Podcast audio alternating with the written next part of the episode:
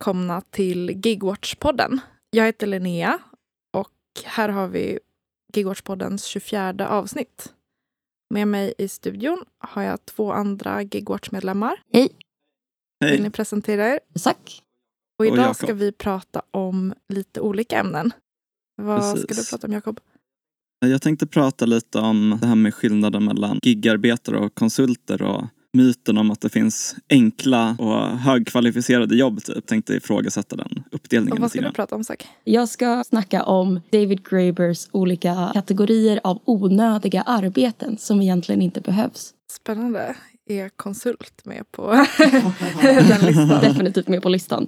Jag ska prata om en uppsats jag håller på att skriva om last mile-branschen i Sverige och det hålet av sjuka grejer jag trillade ner i när jag började göra research på det ämnet. Men innan vi kommer prata om de här sakerna så tänkte jag berätta om en annan intressant grej jag kollade upp precis nyligen. För det är nämligen så att Johan Leif, som är vad är han, förhandlingschef på Journalistförbundet. va? Precis.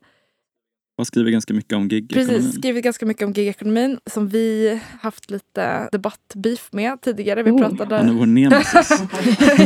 vår, vår, vår största fiende. Men vi har, vi har varit i en del diskussioner med honom. Vi pratade ju om en sån debatt kring svenska modellen Just det. Mm. några avsnitt sen. Men egentligen första gången vi stötte på honom i gigekonomidebatten var ju 2019 när han skrev en debattartikel. Eh, men, men debattartikeln gick i princip ut på att så här, alla borde sluta vara så hysteriska över att så här, Åh, nu kommer gigekonomin typ och så här, förstör alla jobb. Den växer jättesnabbt. För eh, han hade kollat på statistik som visar att andelen tidsbegränsade anställningar inte ökar. Om, om man kollar liksom på alla som är sys- sysselsatta i Sverige så har det legat ganska stabilt ett tag.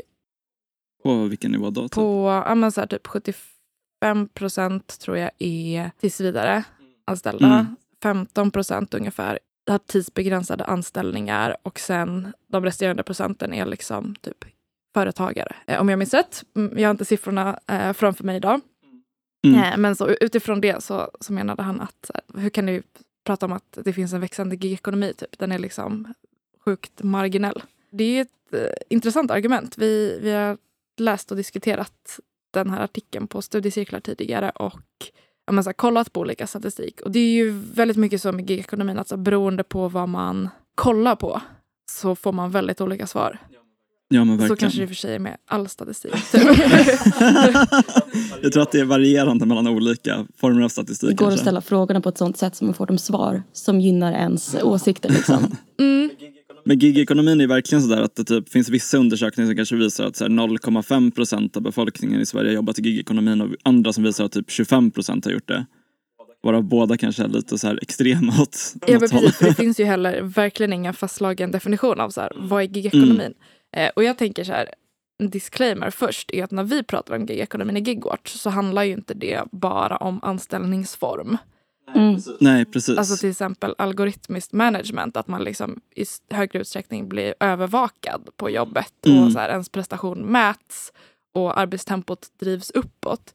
Det kan man ju bli oavsett hur man är anställd. Men, men Mm. om man bara kollar på just det här påståendet att så, här, okej, men tidsbegränsade anställningar ökar inte. Jag tyckte att det var intressant. Jag kom, jag kom att tänka på det och försökte kolla upp så men hur ligger det egentligen till? och läste en rapport som jag tror att det är Arena. Och de hade sammanställt statistik från typ SCB eller något sånt. Om att absolut, eh, andelen visstidsanställda ökar inte. Men inom gruppen som är visstidsanställda så blir de anställningarna mycket osäkrare. Jag tänkte precis fråga, liksom, är det inte så då att den gruppen äts upp basically av gigföretagen från traditionell tidsbegränsad anställning till gigifierad tidsbegränsad anställning? Exakt, för det finns ju verkligen grader i helvetet av tidsbegränsade anställningar. Alltså så här, ett vikariat räknas ju som en tidsbegränsad anställning. Och där är det Mm. ju, du ha- har garanterat arbete och schema typ. Alla timmar som är arbetstid liksom fram till ett visst datum. Ja, om man, om man har tur. Alltså, vissa så här skolvikariepooler är verkligen att man får ett pass på förmiddagen på en skola och ett annat pass på eftermiddagen på en annan skola. liksom. Precis, men då, då är inte det juridiskt ett vikariat. Utan då, Ah, okej. då är det oftast en annan anställningsform som antingen är allmän visstid eller någon annan behovsanställning. Nu, nu kommer säkert Mm. någon bli sur för att jag inte använder de här juridiska termerna. Jag har just lärt mig exakt rätt. Men så vikariat är liksom att så här, det, man får typ så ah, du, du ska jobba på den här skolan tre månader. Eller så en månad. Mm. Man ersätter typ en viss person. Ja men precis. Medan visstid, som jag tänker väldigt många är bekanta med, handlar ju oftast om att så här, man är bara anställd medan man jobbar passet. Mm. När man har jobbat klart det passet, då har man inga rättigheter och så här, har ingen anställning fram tills Ja. man får nästa pass. Och den, den här anställningsformen, behovsanställning, den har ökat jättemycket inom tidsbegränsade anställningar. An- Under vilken tid liksom? Senaste tio åren? Ja, men eller? från typ 2005 till 2018 tror jag att de hade kollat Ah, på okej. statistiken. Ja, typ så här sammanfaller med ekonomiska krisen 2007, Precis. 2008. Men så det tyckte jag var väldigt intressant. För bara utifrån mig själv och så här, folk jag känner och så här, hur jag har jobbat. Det känns så konstigt typ att det skulle vara så här, åh men det är inte mer osäkert. För det känns ju som att det har blivit mer osäkert. Mm. Ja, Och det har det ju utifrån att så här, de tidsbegränsade anställningarna har blivit mycket osäkrare. Mm. Mm. Att, så här, att man i allt större utsträckning får arbeten liksom, där man inte garanteras någonting istället för typ ett vikariat. Så gruppen har liksom inte växt men det har blivit sämre för den. Precis. Är det inte också ett så klassiskt argument att bara den här gruppen är så försvinnande liten att vi inte behöver bry oss överhuvudtaget? Alltså det argumentet mm. kör de ju kring vad som helst, kroniskt sjuka, transpersoner, whatever. Det är ganska vanligt att säga, åh det, det spelar ingen roll, det är så få. Det är klart det spelar roll, vadå? Det är liksom så här, om det var din mormor som var den enda människan i världen då skulle du fortfarande bry dig. Men verkligen. Och det, det här med också att så här, ja, men det är en liten andel kanske av totalen. Alltså det är fortfarande bara 15 procent det rör sig om.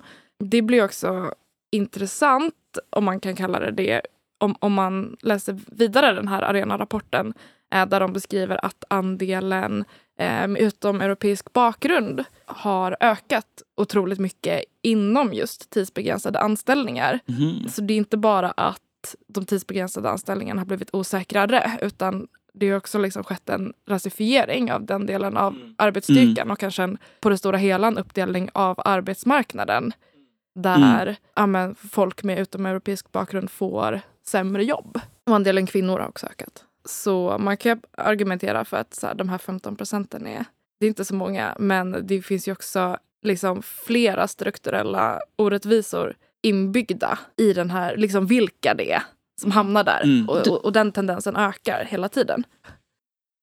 Eh, Zack, vad har du funderat på till dagens avsnitt? Jag har funderat på de här kategorierna av olika typer av olika onödiga jobb. Det är från en bok som heter Bullshit Jobs Precis. David Graeber är Mm. en antropolog som har skrivit en hel del böcker. Eh, han har fokuserat mycket på samhälle, arbete, ekonomi. Och en av dem heter Bullshit Jobs. Den centrala tesen i den boken är ungefär att vi har ett arbetssamhälle som upprätthålls av jobb i sig. Alltså att det finns många Mm. jobb. Det finns massa byggnader i vårt samhälle som om du kom till den byggnaden för att du skulle jobba den morgonen och byggnaden inte är kvar, den har bara försvunnit i tomma intet. Så det är ingen som riktigt egentligen skulle förlora jättemycket på det. Samhället skulle inte, alltså om ett sjukhus försvinner, då förlorar ju samhället jättemycket. Men ett kontorshus som har företag som säljer saker till andra företag eller försäkrar andra företags försäkringar. Den byggnaden egentligen skulle inte kanske vara en jättestor samhällsförlust. Så han tittar på just hur arbetsekonomin upprätthåller sig självt. Och Mm. där i har han fem ganska roliga kategorier för olika typer av on, helt onödiga jobb. Och eh, jag tänkte jag skulle gå igenom dem. Den första är eh, flunkies. Det är människor som ser till att andra ovanför dem i företagshierarkin får känna sig väldigt viktiga. Eh, Och legitimera olika företag. Så det kan vara receptionister för att ett kontor ska verka mer på riktigt. Det kan vara assistenter till en chef som egentligen kanske inte har så mycket att göra men den chefen får känna sig jätteviktig av att ha en assistent. Typ EU-parlamentariker. Nästa kategori är goons. Det är, de säljer ofta saker till andra. De är ofta utåt liksom från ett företag. Det kan vara företagsadvokater. Det kan vara sådana som jobbar på call centers för att försöka pusha företaget vidare utåt.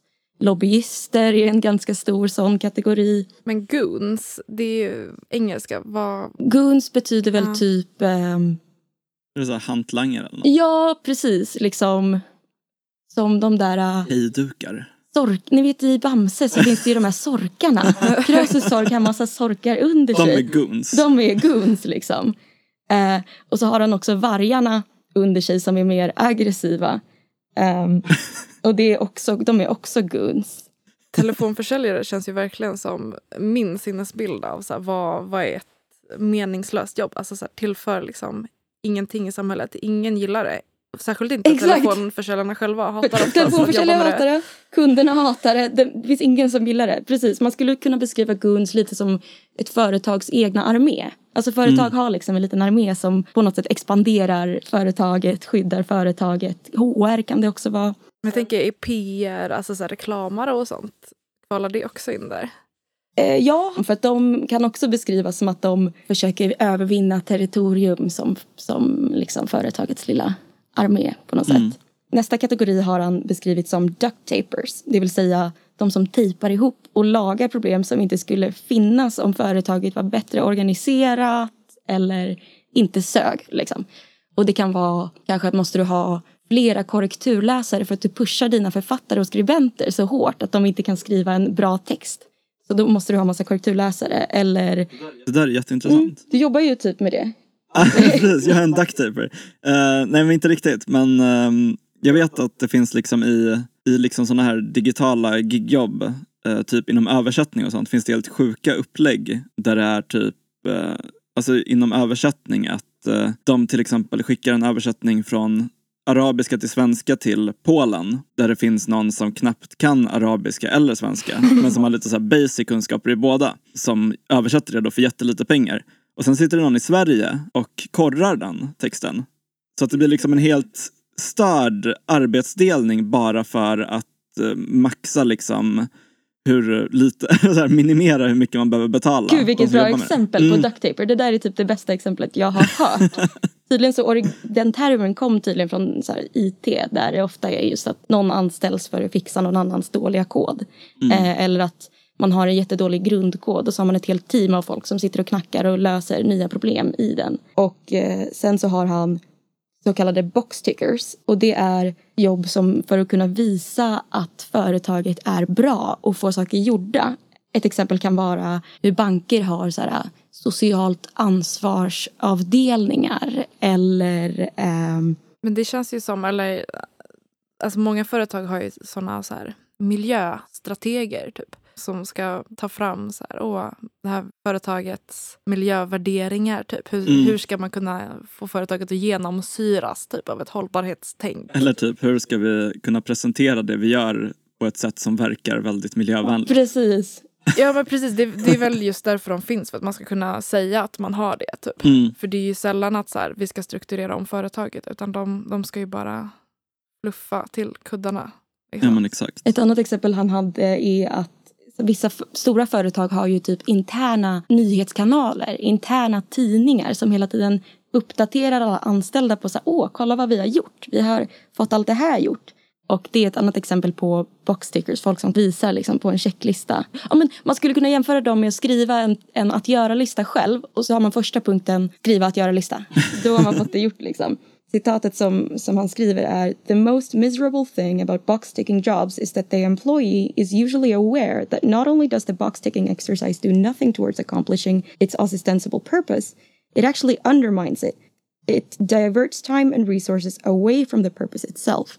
Det vill säga, kolla vad vi gör, kolla vad bra vi gör, kolla vad bra vi gör istället för att bara göra. Det finns ju mycket diskussion kring typ så här konsulter och sånt i offentlig verksamhet. Alltså känns inte det som också ett ganska tydligt exempel på det? Att de ska utreda typ varför förlorar den här verksamheten massa pengar? Varför, varför går allt så dåligt? Men de kan inte säga så här för att ni lägger 100 miljoner på en konsultutredning om effektiviseringar. Utan så här, de, för då, då hade ju de inte haft något att göra utan de måste vara så här hmm, hmm, så här, ändå så här, göra jobbet och så här, ta fram en utredning Exakt. som säger något annat. Det är ett skitbra exempel. Det sista är taskmasters.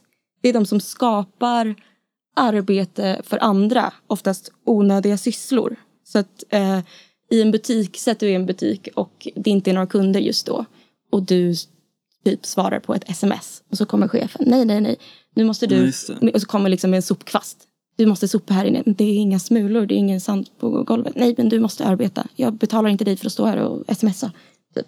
Ehm, och det är ofta, man, om man vill hitta dem så tittar man på mellanchefs, hela egentligen chefshierarkin ofta finns för att skapa. Och jag menar, ibland finns det ju chefer vars enda jobb är att säga åt chefen under dem att kolla onödiga saker hos sina anställda. Typ, kan du kolla att de gör de här sakerna på rätt sätt i rätt tid? Jag vet inte. Att de städar sakerna i den här ordningen.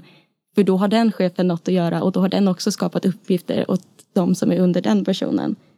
Ja, Gud, det känner mig igen. Eller många jobb som är bara att man, man alltid måste låtsas vara upptagen med någonting för att annars kommer någon att hitta på en, en påhittad uppgift. Så, Åh, men du kan ju diska lite. Man bara, men jag är inte, jag är inte diskare. Det är inte Alltså jag har mitt typ jobb. bara varit timmis. Så då slipper man ju faktiskt göra sånt. Det är lite skönt. Han, beskri- han beskriver också att det, när, han, när han har gjort sin forskning så är taskmasters de som det är allra svårast att få vittnesmål ifrån.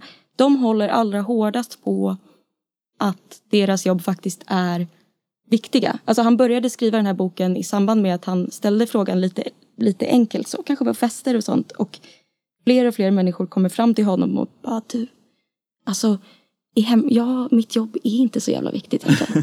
Jag bara slösar tid åt det här företaget och liksom samlade, så samlade han fler och fler vittnesmål. Men just Taskmasters vägrar liksom erkänna att de är helt, helt onödiga. Eh, min personliga tanke kring det är väl att de på ett sätt är typ mest onödiga, om ni fattar vad jag menar. Alltså typ en receptionist kan ju ändå då kan du om du har jättemycket tid över svara jättegulligt på ett mejl och så här, vara skitsnäll och liksom, jag vet inte, ställa fram lite blommor eller något. Medan liksom den som vars enda jobb eller vars huvudsakliga jobb är att ge onödiga uppgifter till andra, den är liksom så djupt i grunden helt jävla onödig. Att det är läskigt, tänker jag, att tänka på vad det jobbet ens innebär. Särskilt om man har gjort det hela sin karriär. Att om du börjar ditt arbetsliv med typ ish ett sånt uppdrag och så har du lagt 40 år på att göra någonting helt jävla onödigt. Ehm, Jag tänker en intressant grej med de här kategorierna. Det är ju att eh, just gigföretag, de försöker på något sätt göra sig av med väldigt många av dem. exakt! Genom att liksom, alltså väldigt mycket slimma sin organisation. Eh, och typ, ja men till exempel att man ersätter då eh, chefer med en algoritm. Eh, och att man kanske ofta bara har typ, alltså man kan ha, vissa av de här företagen har ju typ fem anställda. Eh, och även de här stora plattformsföretagen, Google och Facebook och sånt, har ju liksom bara en procentandel av vad de största företagen hade för liksom 50 år sedan. Om man kollar till företagens värde liksom. Eh, Att de har inga receptionister som är där för att få för, företaget att verka legitimt för de har ingen byggnad. ja men precis. Mm, gud, gud vad intressant. Alltså jag tänker att det, det är ju verkligen en spännande uppdelning. Eller just här bullshit jobs versus... För då är det så här, vad, vad är de andra jobben? Är det så här meningsfulla det, jobb? det, är typ, som, det som, ja precis, Graeber pratar om att bullshit jobs ofta har högre betalt än meningsfulla jobb. För att, mening, alltså det som han definierar ofta som meningsfulla jobb är sådana som för personerna känns meningsfulla. Det vill säga the care economy eller the nurture economy. Det vill säga omhändertagande eller du gör någonting som känns meningsfullt. Typ lärare, kanske ta äldreomsorgen eller ja, men den typen av arbeten där man faktiskt gör någonting som känns bra för en annan människa Just och får det. den känslan av att nu har jag gjort någonting bra.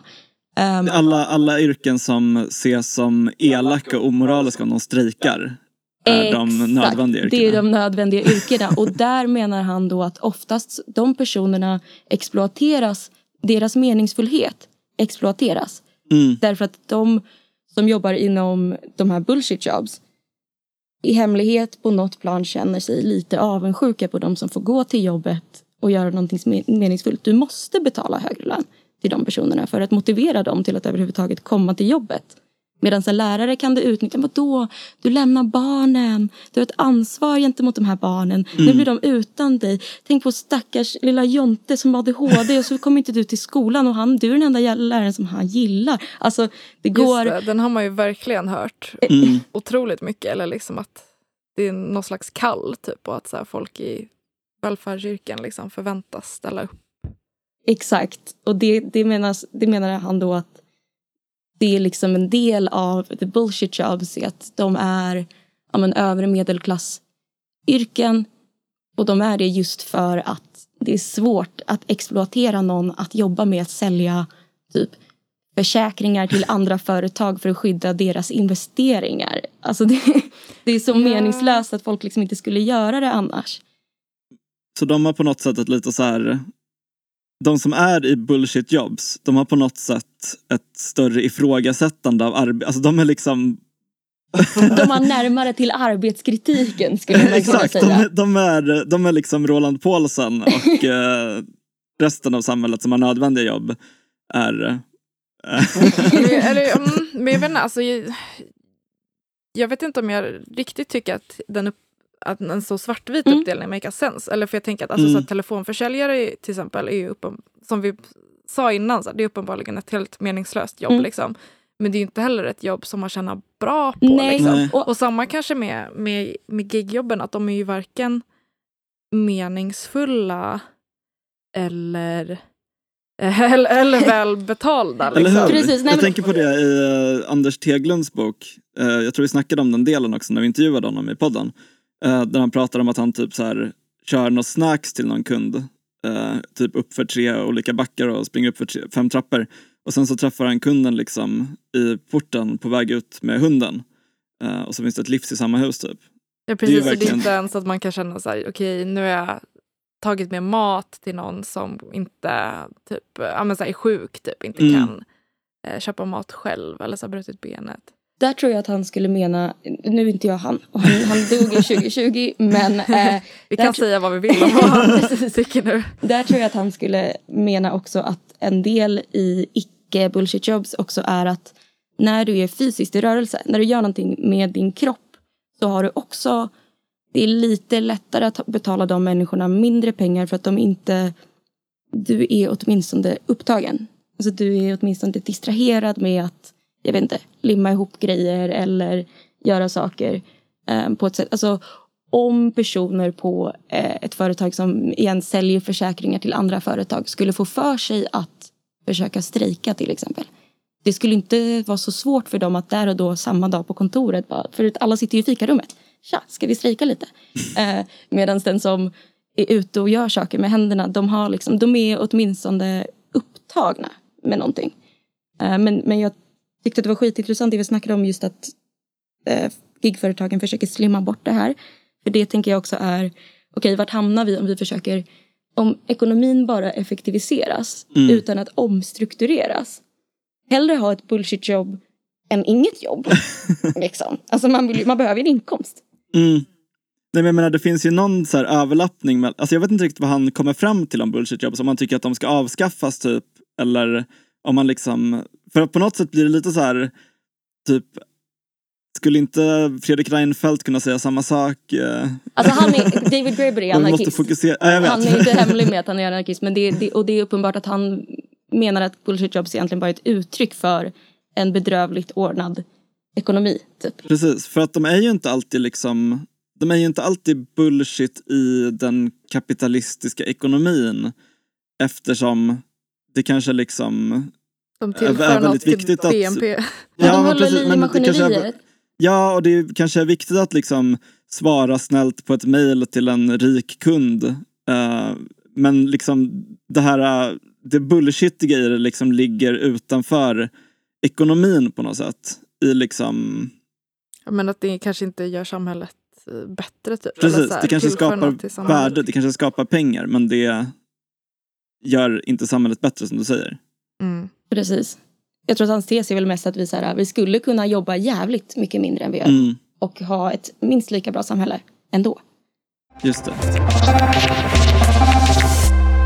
Vad har du tänkt på, Linnea?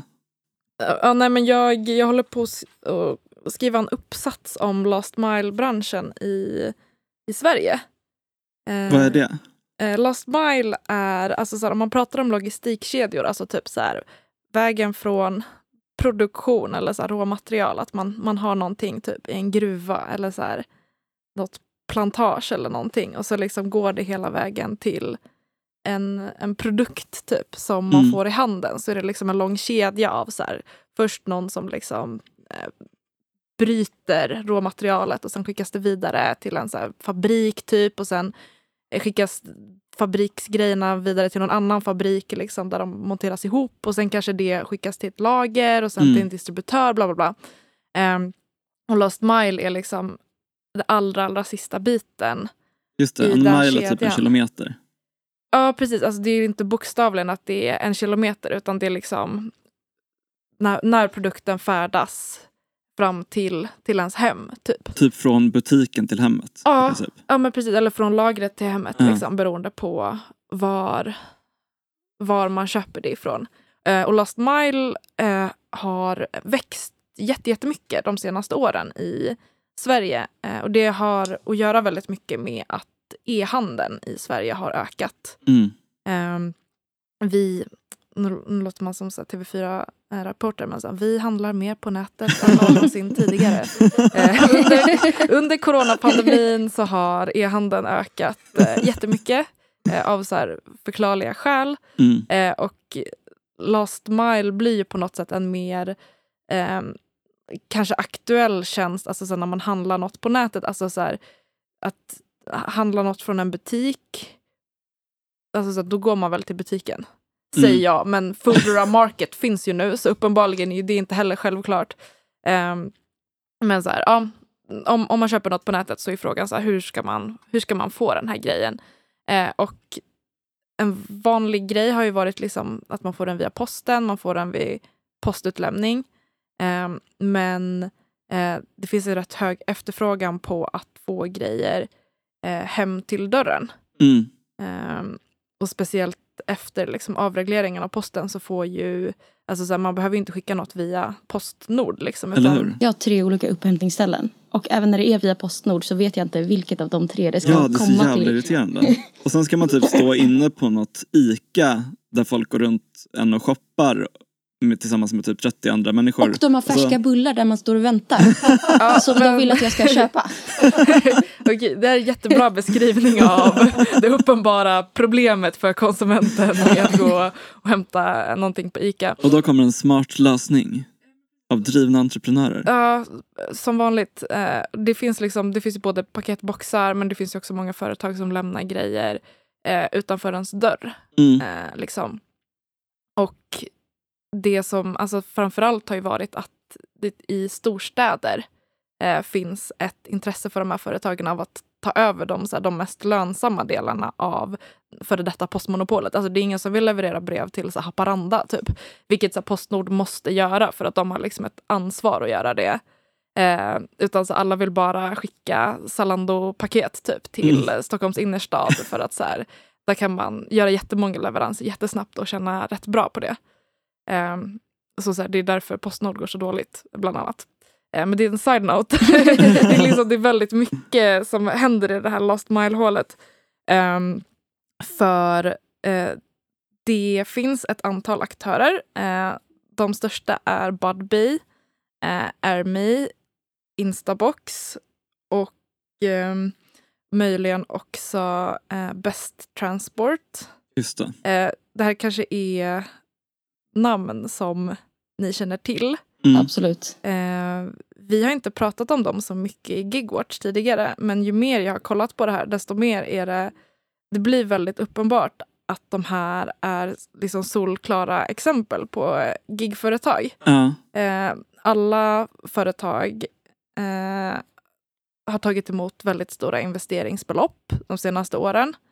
Eh, Best Transport är lite vad säger man, utstickare för de har funnits längre och eh, Last Mile är liksom bara en sidoaffärsområde eh, för dem. De är andra grejer också, men, men både Airme, eh, Budbee eh, och Instabox eh, har grundats liksom inom sju år sedan och eh, eh, går fortfarande inte med vinst. Mm. De f- liksom värderade till flera miljarder men producerar inget, liksom, ingen vinst utan eh, fokuset är framförallt på att ta marknadsandelar.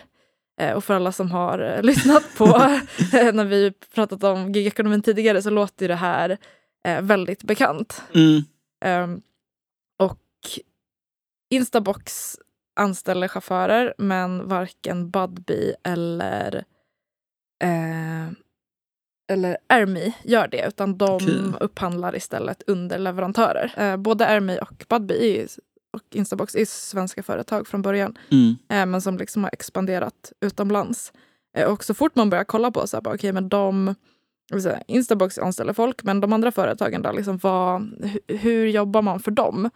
Eh, så hamnar man ännu längre ner i det där hålet av eh, konstiga grejer. För delvis så anlitar de eh, underleverantörer, till exempel Move by Bike, som kanske låter bekant för den som har läst eh, vår rapport. Eller, eller lyssna på podden.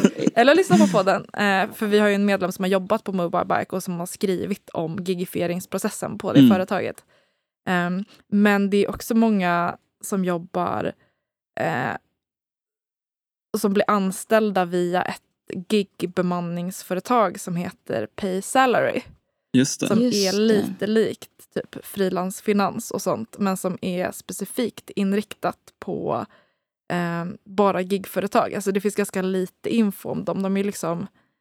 De är jättehemliga. Alltså, det, Det är ingen reklam i tunnelbanan liksom. Nej, men Typ precis, det är ett så kallat B2B-företag, business to business. Mm. Så de, eh, de erbjuder ju tjänster åt andra företag. Liksom. Är det därför man typ märker av de här företagen mindre som gigföretag kanske? För att de liksom inte marknadsför sig så jävla hårt som Foodora gör? Eller andra liknande? Ja, precis. För alla underleverantörer är ju liksom bara på något sätt en mellanhand. Mm. Och Budbee och dem, de, är ju, de kan man ju se liksom som eh, leveransalternativ typ när man handlar någonting. Mm. Men det står inte så mycket om dem. Så det, men jag har lyckats gräva fram i alla fall lite så här, vad, vilka företag typ, som använder sig av Pay Salary. Okej. Eh, och det är en jättefin lista eh, på eh, bland annat Lime, alltså det här elsparkcykelföretaget, deras Ja. laddare. Just det. Eh, Uber de kallar Eats. det juicers. Ja men precis, Ju- juicepressarna. Eh, eh, Uber Eats, eh, Uber, Bolt eh, och även Foodora. Oj. Så det är ju inga nya namn där utan ganska välkända för oss. Eh, men det som är också intressant när jag kollade på Pay Salary är att det visar sig att de har just nu en konflikt eh, med Foodora. Eller de, de här, Transport har en konflikt med Foodora om Pay Salary. Oj, triangeldrama. Eh, det är nämligen så att eh, Transport tar Foodora till Arbetsdomstolen eh, i, i en tvist gällande om eh, ett mopedbud ska räknas som anställd för Foodora eller för Pay Salary.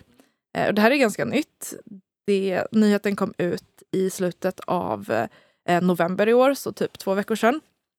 Och bakgrunden är att eh, en, en person började jobba på Foodora 2019 som cykelbud eh, men ville efter ett tag jobba som eh, mopedbud istället.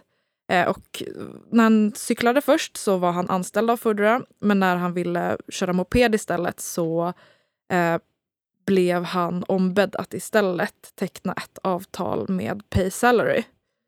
Eh, och sen efter det så blev han, Alltså han har jobbat via Pay Salary för Foodora, använt Foodoras app, använt Foodoras utrustning, eh, tagit ordrar från Foodora men liksom Pay Salary har agerat som någon slags bemanningsföretag. Liksom. Ehm, fram tills typ nu när han plötsligt blev avstängd från appen utan en förklaring. Eh, och det som Transport nu har tagit strid för är ju att de de vill bestrida det här med att han är anställd av Paysalary. De menar att Paysalary bara liksom är lönedistributör typ. Mm. Utan att det egentligen är Foodora som har lätt att fördela arbetet. Eh, och det är ju faktiskt i så fall det första gången i Sverige som eh, den här frågan om falska anställningar Mm. skulle prövas i rätten. Det har ju inte prövats tidigare. Just det, för det är egentligen inte så att företag bara kan säga typ det här är den här typen av anställning. Eh, typ du är egenanställd eller du är anställd av det här företaget, inte av oss. Nej, Utan precis. det finns liksom på något sätt så här, en definition som är utanför vad folk tycker själva. Liksom, det är definierat på något sätt i lagen men det måste prövas i domstol för att det ska träda i kraft. Liksom. Är det så? Precis, det finns juridiska definitioner för så här, vad, vem ska räknas som arbetsgivare liksom, och arbets... Eh, vad heter det?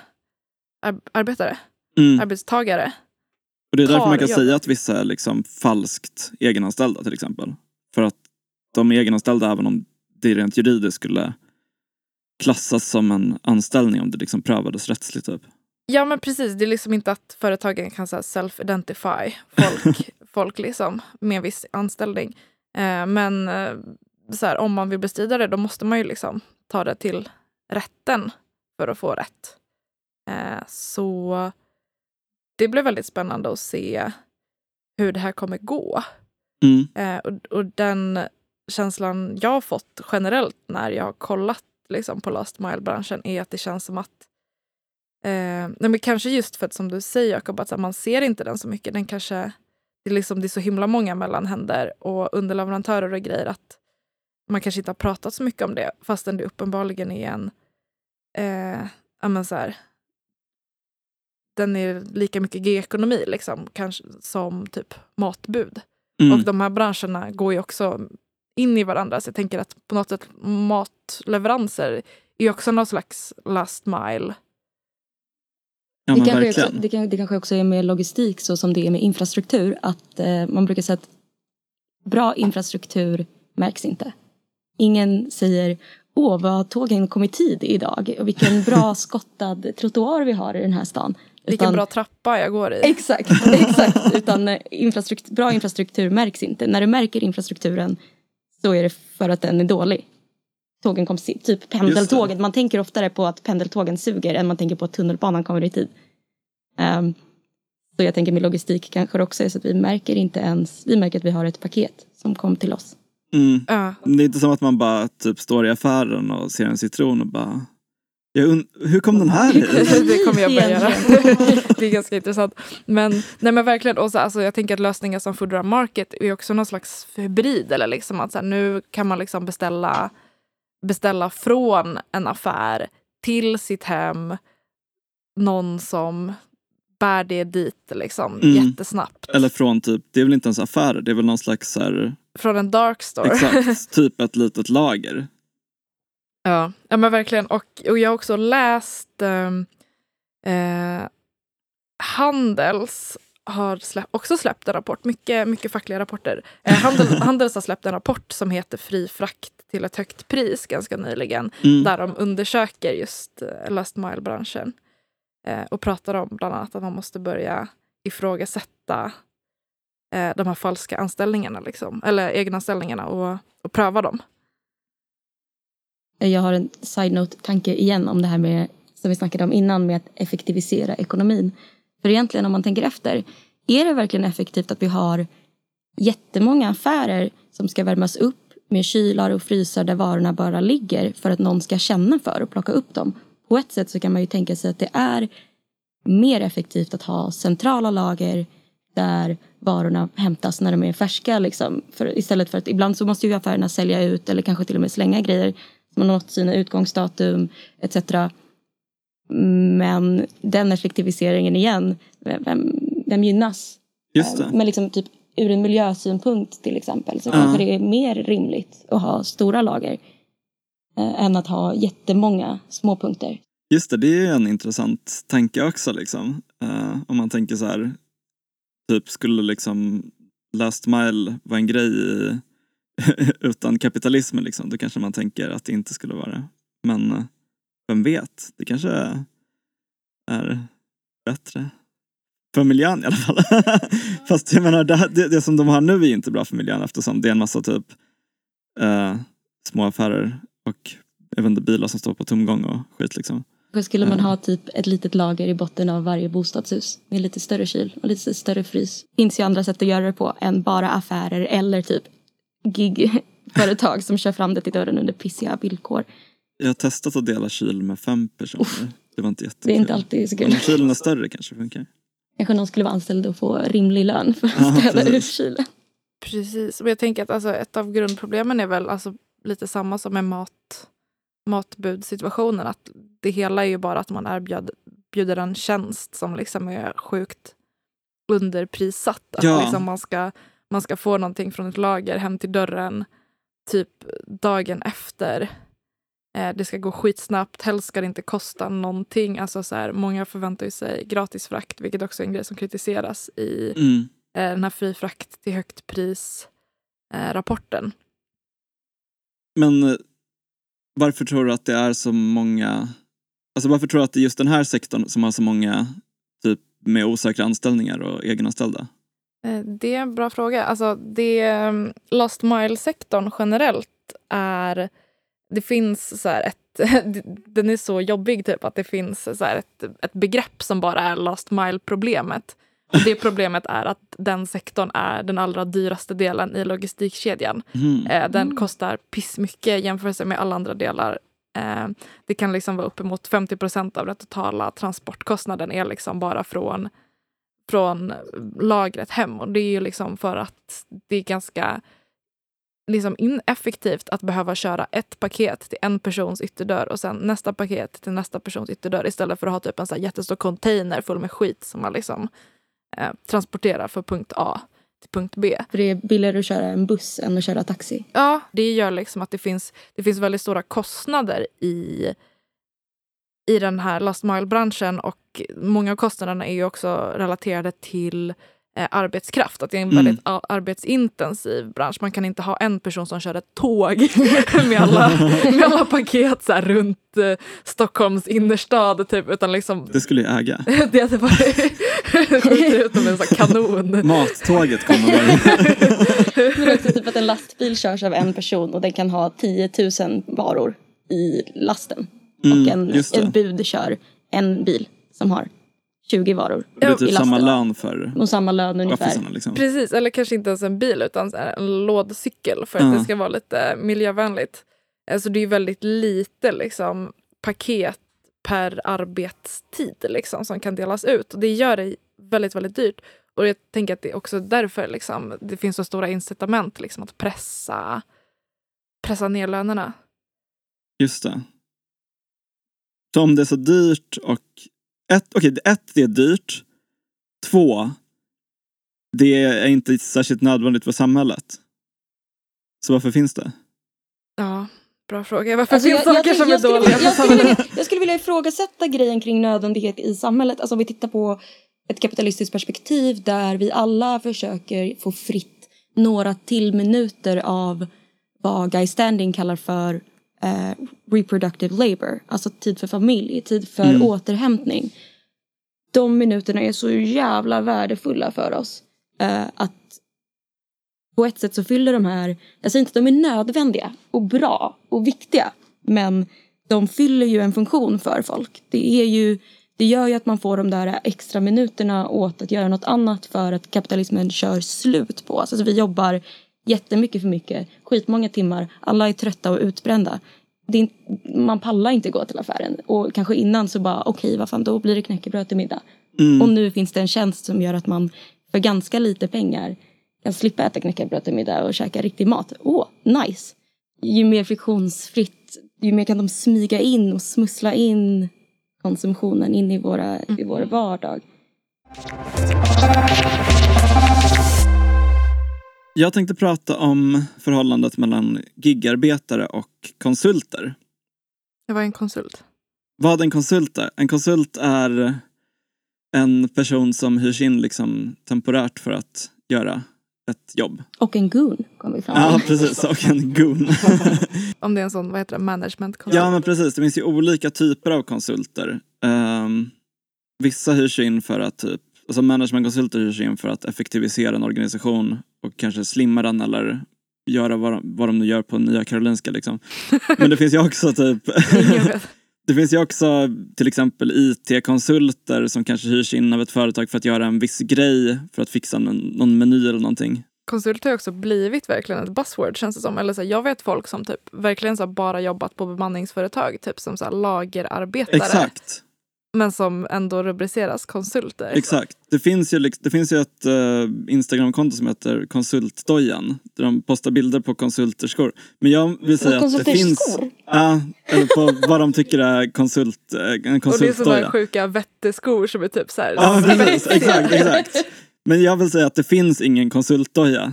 Mm. Eh, Det finns många olika typer av konsulter och de har olika typer av dojor.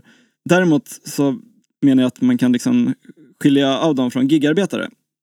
Även om det finns saker som eh, knyter samman de två yrkena också. Så det är lite så här, jag tror att vi har funderat lite på det, var drar man skillnaden mellan en gigarbetare och en konsult? Um, båda jobbar ju liksom i form av ganska korta uppdrag. Konsulter jobbar ju lite längre uppdrag. En gig jobbar liksom, man räknar ett, eh, en matleverans eller en eh, liten översättning som ett gigjobb typ. Men ehm, båda jobbar då i kortare uppdrag liksom. Eh, och dels att eh, en del konsultjobb förmedlas också via plattformar.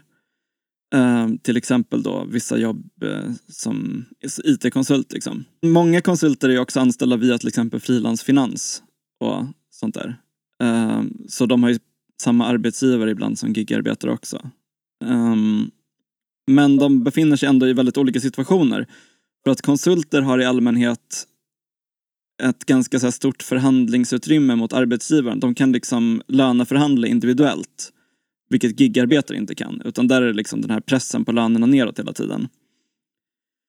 Och eh, det är vissa som då har menat att det här är eh, i grunden en skillnad liksom mellan, inom citattecken, enkla och högkvalificerade jobb.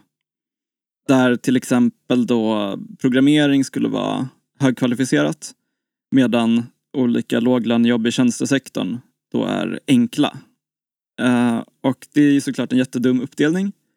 För att eh, alltså, de här jobben i tjänstesektorn är ju inte enkla utan de kan vara väldigt liksom eh, De är skitjobbiga. Exakt, de kan vara fysiskt jobbiga, de kan vara mentalt jobbiga, de kan vara liksom intellektuellt krävande också. Ehm, men eh, jag stötte på ett annat begrepp som jag tyckte förklarade mycket bättre vad som är skillnaden här mellan liksom konsultjobben och eh, gigjobben.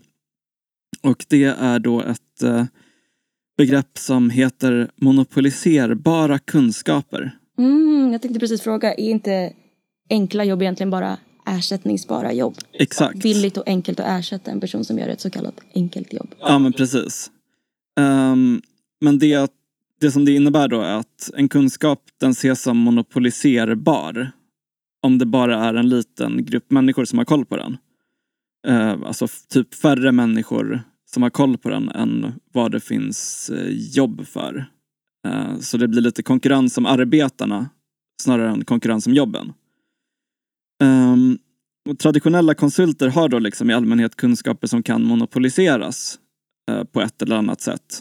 Eh, de har liksom expertis inom ett visst område där det är ganska få människor som har samma kunskaper och eh, det kan vara till exempel med något visst programmeringsspråk eller kanske något språk, eh, alltså det liksom ett vanligt språk som människor pratar som inte så många kan i ett land. Typ så jap- översättning från japanska till svenska eller något sånt. Mm. Det är också vanligt till exempel inom ingenjörsbranschen och då kan det ju vara att man så här, har jobbat med att bygga broar typ i hundra år och vet Ja. exakt hur en bro ska konstrueras för att den inte ska gå sönder. Ja. Det är inte alla som vet. Men jag tänker ett exempel är väl att liksom eh, det finns folk som typ har jobbat på, för, alltså, på IT-företag i skitmånga år. Eh, kanske sedan 90-talet och liksom byggt upp ett jättekonstigt, snårigt eh, eh, liksom språk eh, i den här koden som ingen annan fattar. Det finns ju till exempel Då kan de eh, inte få sparken liksom. Ja, en, en gubbe som byggde ett eget programmeringsspråk som styr eh, svenska tågsignalsystem. och han, liksom, han byggde det från scratch, typ. som används fortfarande. Och jag guess att fler folk kan det nu. Men det är väl säkert sådana saker. Mm. Typ att så här, varför ska jag lägga tid och energi på att göra ett kodspråk så att det är enkelt? Det är jättedumt. Då blir man ju ersättningsbar. De uppmanas väldigt mycket att göra det tror jag. Eh, just för att eh, alltså man ska liksom koda på vissa sätt som är standardiserade för att när man sen slutar på det företaget så ska man kunna ersättas. Men om man inte gör det så blir man ju typ oersättningsbar. Företagen vill ha en helt annan grej än vad du vill. Ni har helt motsatta ja, men mål. precis. Men hänger inte det ihop med en prekarisering av programmeringsbranschen generellt? För det, Jo. det intrycket har jag fått. Eller sen när man pratar om programmerare så är det ju ofta så här, oj, de, folk tjänar jättemycket i lön. Ja, Men samtidigt så har jag läst en del om så här, folk som går så här, tre månaders programmeringskurser och sen så här, får någon så Ja. slavkontrakt. Typ, att de så behöver betala av sin utbildning på två år. okej. Och så att man inte alls, lite beroende på vad man jobbar med, att man Ja. inte, inte alls behöver vara glassigt. Liksom. Nej men jag tror att det liksom är en grej som den typen av företag försöker göra medvetet att liksom ehm, göra de här kunskaperna mindre monopoliserbara. Och då kan det handla om dels att man försöker liksom skriva mer standardiserad kod eh, och dels om att man sponsrar olika liksom utbildningar för att få in fler på arbetsmarknaden så att det blir liksom högre konkurrens om jobben istället för att arbetsgivarna slåss om personal. Liksom det är både att man gör det som kallas för nedkvalificering, de-skilling, genom att då göra koden mer standardiserad. Samtidigt som man också håller på med uppkvalificering, liksom upskilling, för att få fler att kunna koda. Det här är liksom det som den boken som är av David Harvey, eh, vad han pratar om när han pratar om just det här med monopoliserbara kunskaper. För då ifrågasätter han en liksom marxistisk tanke om att eh, kapitalismen som helhet går mot nedkvalificering. Att eh, liksom ta bort folks specifika kunskaper. Och menar att det inte alls är det som är målet för de här företagen utan målet är just att sudda ut de här monopoliserbara kunskaperna. Eh, och det kan göras på, från båda hållen liksom. Men jag vet inte om jag riktigt fattar skillnaden. Eller liksom, vad är skillnaden mellan att ett jobb typ är monopoliserbart och att det så här, är motsatsen till ett enkelt jobb som du sa i början? Jag tänker liksom att det är framförallt en fråga om liksom hur många personer som har den kunskapen. Till exempel så är det många som kan läsa och skriva idag, vilket man skulle kunna se som väldigt högkvalificerat. Just det. Och det var en gång i tiden en monopoliserbar kunskap. Om man kunde typ läsa och skriva kunde man få jobb hos någon jävla kung eller någonting. Ja, som munk, sitta i kloster. Helt död bransch idag. Exakt. Men typ att skriva på tangentbord, att så här, kunna, vad Ja, fan men heter det? precis. Typing. Just det, och vara och var kontorist. Att man drrrt, så här, satt som sekreterare och skrev snabbt på skrivmaskin. Ja, men exakt. Många saker som har varit eh, monopoliserbara tidigare är inte det idag längre. Eh, och säkert så här vice versa också. Att ehm, kanske för 200 år sedan kunde alla göra jättefina vävar eller någonting. Och nu kan bara någon som pluggar på Konstfack göra det. Typ laga sin bil. Alltså, när, man, när jag hänger med min morfar, han bara snickrar ihop grejer, lagar Ah. bilen, vad som än går sönder som är i hans hem så lagar han det. Ja, och nu får man så ringa Taskrunner typ, för att byta glödlampa hemma. Ja, men precis. Verkligen. Eller eh, det finns ju massa sådana här, eh, just på tal om uh, morfäder och sånt, finns det en massa sådana här pensionärspooler typ. Det kommer en pensionär hem till honom och spikar upp en tavla eller någonting. Va? Ja, ja, ja! What the fuck? Va? Ja, men där känner jag igen. Jag vet inte om det är just spika upp tavlor, men det är väl några sådana så grejer som de letar efter kompetens. Mm. Men det är lite, de, det är lite så här pensionerade hantverkare typ. Jag för mig att det ofta är i alla Mm. fall. Det är en sak om de ska instruera en över telefon så som morfar ibland gör. Men det är en annan sak om någon som är så här, har 75 och har börjat få begynnelse till benskörhet och så ska den personen klättra upp på en stege för att sätta upp en tavla i mitt hem. Ja, What? precis. det kan handla om dels eh, kunskaper liksom. Ehm, Jag tänker också på ett exempel som vi kanske också har tagit upp tidigare. Ehm, Var ju, eh, eh, ni vet när sopgubbarna strejkade i Stockholm för några år sedan. Mm. då handlade ju den strejken väldigt mycket om att de ville ersätta ehm, ett system som de haft tidigare där Där man har Ja. en miljon nycklar i en Exakt. stor hink. typ. Exakt, man har en miljon nycklar i en stor hink. Det vill de ersätta med en blipp. Just det, för, det för varje nyckel gick till en sopcontainer. Så Exakt. bara, det tog hundra år om, om, om man inte var den sopgubben som visste vilken nyckel man skulle Exakt, så ta. de kunde aldrig sparka sopgubbarna för att då hade ingen vetat vilken nyckel som gick till vilken port. Så de hade liksom den här äh, monopoliserbara kunskapen var liksom materialiserad i den här äh, hinken med nycklar liksom. Ehm, och genom då den här blippen så äh, tog man bort den. Vilket gör, gjorde liksom att de blev mer utbytbara och äh, osäkrare i sin position. Man kan ju beskriva det som att du har automatiserat den biten av jobbet som var att hitta rätt nyckel. Mm. Och, precis. och då behöver plötsligt ingen veta någonting om de där nycklarna. Det blir liksom helt passé kunskap Exakt. att ha. Kanske lite samma som med taxichaufförer, alltså så här, när man har GPS. Det är så här, Exakt. vem bryr sig om du kan alla vägar i Stockholm? Liksom. Ja men precis. Det har jag också med som ett exempel. Liksom, eh, att till exempel Uber och eh, den typen av tjänster. De kräver ju väldigt icke-monopoliserbara kunskaper. Alltså att du har körkort, att du har bil och sen i Sverige också att du har taxilicens. Men liksom de två första är det ju väldigt många människor i samhället som kvalar in på. Som kan ta de jobben. Um, men tidigare så fanns det också en till komponent i taxiföraryrket och det var ju att ha den här liksom kunskapen om alla gator i stan, vart man hittar kunder, uh, hur man kör snabbast, hur man undviker typ trafikstockningar. Um, och det har ju helt liksom tagits över av GPS-teknik liksom. Alltså om man säger så här, högkvalificerat, lågkvalificerat, då låter det som att uh, det högkvalificerade är någonting som nödvändigtvis är positivt för samhället eller något sånt.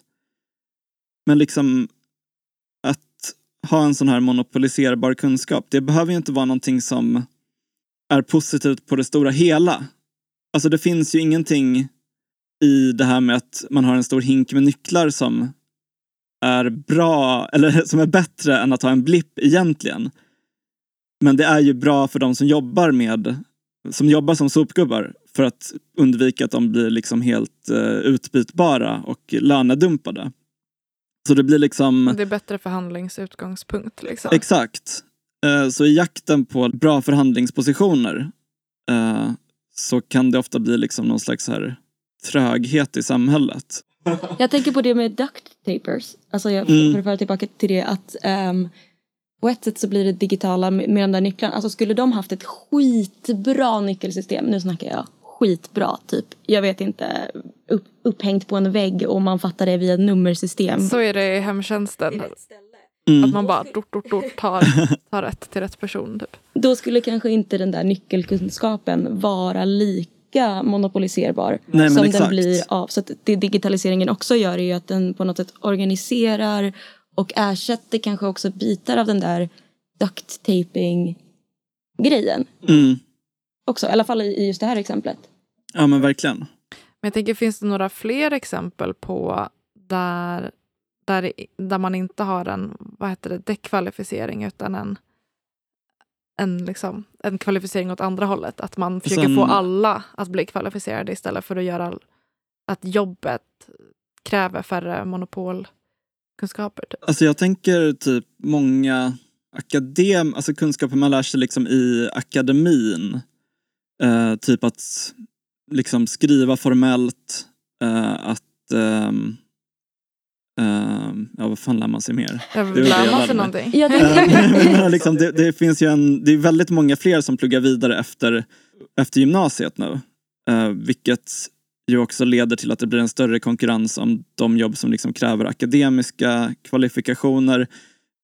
Och det har väl lett till liksom att det blir också väldigt mycket mer specifika krav för många jobb. Att du måste ha den och den examen. Det räcker inte att du har typ så här, ja, jag har pluggat humaniora i tre år, nu kan jag få jobb som bibliotekarie typ. Utan du måste ha en bibliotekarieutbildning. Men det känns i så fall kanske som en sån tendens, liksom, eller så här, jag vet inte om man kan kalla det utbildningsinflation, men att, så här, att vi, det finns liksom två pågående trender i samhället. Å ena sidan så här, vi får inte bättre, oavsett Mm. vad vissa populär vetenskapliga personer som så skriver konstiga böcker tycker. Som heter typ så här, vi får det bättre. så här, vi får det inte bättre uppenbarligen. Eh, men eh, alltså så här, nu är det typ 50 procent av alla unga pluggar tre år liksom, Mm. eller mer eh, efter gymnasial utbildning. Eh, men det är väl, jag tänker att det är väl lätt liksom, att lura sig själv. Eller så att man, man pratar så mycket om det här med så enkla jobb versus typ så här, jobb som kräver utbildning. Och Mm. att då blir någon så här quick fix. Typ, ja men vadå, men jag skaffar, då, då utbildar jag mig så att jag får ett jobb där jag inte sliter ut min rygg. Mm. Liksom. Och sen är det som att så här, oj, det uppstod inte magiskt fler jobb bara för att det är fler som har den här typen av utbildning. Ja, men precis. Jag tänker typ på, Verkligen. på, på ett enkelt jobb, enkelt jobb nu idag. Då kan man titta på ett, ett sånt superenkelt jobb som inte krävs någonting för. Kanske fortfarande kan kräva att du kan skriva snabbt på skrivmaskin slash tangentbord. Ja. Att du kan dat- hur dataprogram, dokumentprogram fungerar. Har körkort och kan engelska. Mm. Det är ändå inte kunskaper som man nödvändigtvis kunde ta för givet. Nej, men för, och då hamnar man väl liksom i den sitsen att så här, plötsligt har man jättemånga som är jätteutbildade men lika många jobb. Och då blir det bara högre. Då höjer man liksom ribban för vad företagen kan ställa för krav. Då kan de välja och vraka. Så och det är väl därför jag tänker att alltså, vissa, vissa yrkesutbildningar är väldigt protektionistiska. Typ, eller att de liksom, man tar inte in hur många som helst till läkarutbildning eller till ingenjörsutbildning Mm. eller till juristutbildning. De kan vara pissvåra. Och det är ju inte för att eh, nödvändigtvis behöver vara så svårt att lära sig de här grejerna utan det är ju för att man inte vill att det ska vara för många typ ingenjörer i samhället. Nej, För att det blir inte fler ingenjörsjobb. Ja. Och det där är väl som också, det där var väl också liksom i taxibranschen typ innan Uber kom i USA. Att det var någon gräns i typ, om det var New York kanske, att det bara fick finnas liksom typ 2000 taxichaufförer eh, i stan. Mm. Ja, det låter rimligt. Eller jag tänker, för de vill väl inte heller att det är liksom en miljon taxichaufförer. Det blir jättehög konkurrens. Precis, för det är de här, eh, när kvalifikationerna inte är monopoliserbara, då blir det ju liksom en skitstor pool av människor som kan jobba med det. Och det, Ja, men alla behöver ett jobb liksom. ja exakt. Och det Alla behöver liksom, inkomst. Ja. Och det lägger ju grunden till den här liksom överrekryteringen som finns i gigekonomin. Mm. Men det är, väl, det är väl därför också det är lite dumt, eller sen när man pratar om problemen som finns på arbetsmarknaden idag, att det liksom är dåliga villkor och sånt. Alltså det löses ju inte typ av att fler utbildar sig. Nej. Alltså på det sättet, så här, skaffa sig en yrkesutbildning. Typ. Eh, utan- när grundproblemet är att vi har ett samhälle där jobben liksom är organiserade efter eh, så här, vad, vad någon jävla investerare liksom är beredd Ja. att hälla sina pengar i istället för vad som faktiskt behöver göras. Liksom. Men det är också typ en så här, jag vet inte, ett internetmeme typ som folk säger när någon klagar på sitt jobb. Bara learn to code. Ja. Jag det. Ehm, men liksom vad händer om alla gör det? Då kommer ju det också bli en eh, jävla gigbransch. Om är det, liksom, därför, eller förlåt, men, men det är ju någon sån här grej att så här, det ska vara programmering som ämne i skolan. Ja, men ja! Det, det, är därför, det är absolut det Ja. därför. Och det, det tror jag också jag pratade om i mycket förra avsnittet. Men att det liksom att det finns ju sådana liksom, stora techföretag som typ sponsrar eh, program för liksom, disadvantaged youth, eh, liksom fattiga ungdomar i storstäder i USA att lära sig koda. För de vet att liksom, det kan pressa ner lönerna i framtiden om man tolkar det eh, illvilligt. Liksom. Okej, har vi några final words förutom att lära er att koda? Lär er inte mitt jobb. För det kommer bli ersatt av en AI. Eller för att du kommer ersätta mig. Jag tänker inte ens berätta vad mitt jobb är så att inte folk ska lära sig mitt jobb.